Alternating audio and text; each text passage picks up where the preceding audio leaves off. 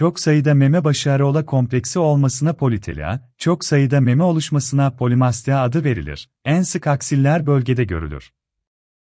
Meme başı ve areolanın oluşmamasına atelya memenin oluşmamasına amastia denir. Memenin tam gelişmemesi ve küçük kalmasına hipomastia adı verilir.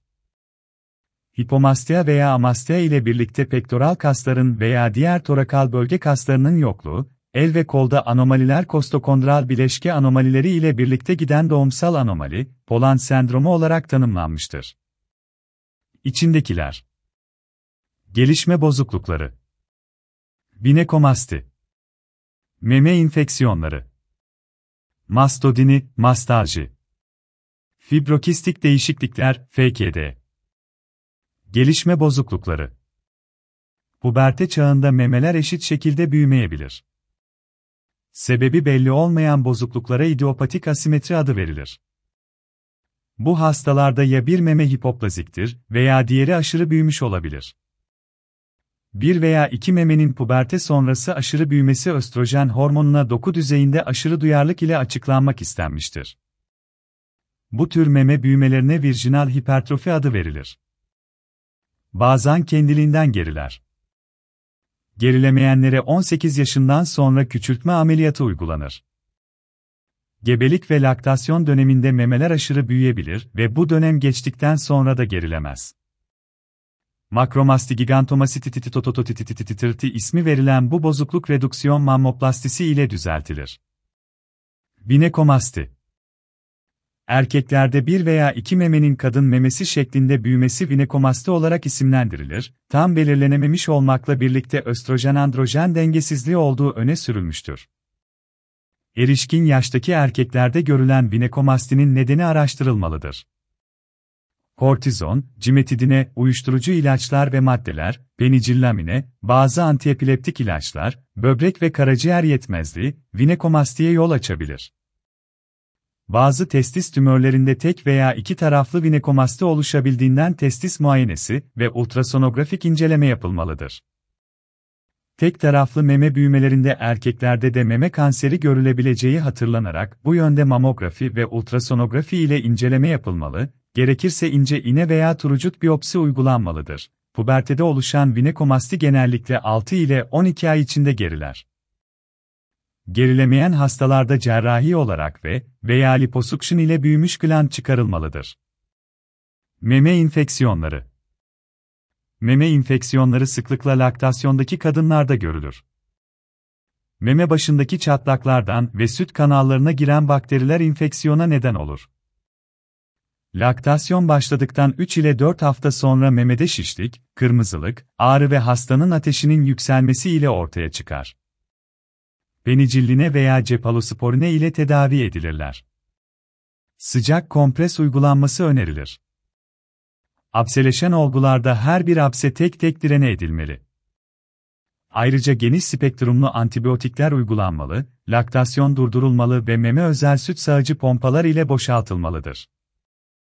Kronik meme infeksiyonları, tüberküloz, yüzeyel ve derin mantar infeksiyonları, sifiliz gibi nedenlerle olur. Mondor hastalığı, memenin ve göğüs duvarının yüzeyel venlerinin tromboflebitine verilen isimdir. Ki ile 6 hafta içinde kendiliğinden gerileyebilir.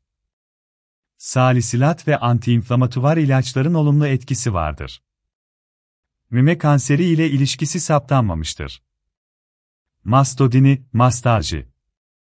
Meme ağrısı anlamına gelir. Gerçek nedeni çok iyi bilinmemekte birlikte östrojen-progesteron dengesi bozukluğu, prolaktin fazlalığı veya salgılanma ritminde bozukluk, duktus ektazisi, büyük gergin cidarlı kistlerin varlığı başlıca nedenler arasındadır. İki farklı tipte ağrı tanımlanmıştır, bir siklik ağrılar, iki non-siklik ağrılar. Siklik ağrı, genellikle menstrual periyodun iki yarısında şiddetlenen ve reglin başlaması ile azalan veya kaybolan ağrılardır.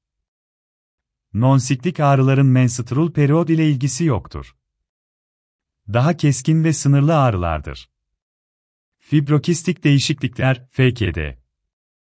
Fibrokistik değişiklik, mikroskopik veya büyük kistler, çapı 3 mm'den büyük, apokrin metaplazi, epitelial hiperplazi, adenozis ve fibrozis ile karakterize bir hastalıktır. 25 ile 50 yaşlar arasında, prodüktif çağdaki kadınlarda görülür. Hastaların çoğunda premenstrüel dönemde başlayan ve menstrüasyon ile azalan meme ağrısı, memelerde şişme, ele gelen kitleler, başlıca şikayetlerdir. Tanı, ultrasonografide düzgün sınırlı ince cidarlı kistlerin görülmesi ile konur. Memede saptanan nonproliferatif ve proliferatif lezyonlar taşıdıkları meme kanseri riskinin derecesine göre sınıflandırılmışlardır. Fibrokistik değişikliğin kesin bir tedavisi yoktur. Hastalar kafeinsiz diyetten, doymuş yağların azaltıldığı beslenme şeklinden, stres faktörünün azaltılmasından yararlanabilirler. Karsinom saptanmayan meme dokularının histolojik inceleme esasına dayanan relatif invazif meme kanseri riskine göre sınıflandırılması. Düşük risk, risk yok. Apokrin değişiklikler. Duktus ektazisi. Hafif epitel hiperplazisi, olağan tip. Hafifçe artmış risk, 1,5 ile 2 katı. Orta derecede veya yoğun epitel hiperplazisi, olağan tipte. Sklerozan adenozis. İntraduktal papilloma. Orta derecede artmış risk, 4 ile 5 katı. Atipik duktal hiperplazi, ADH.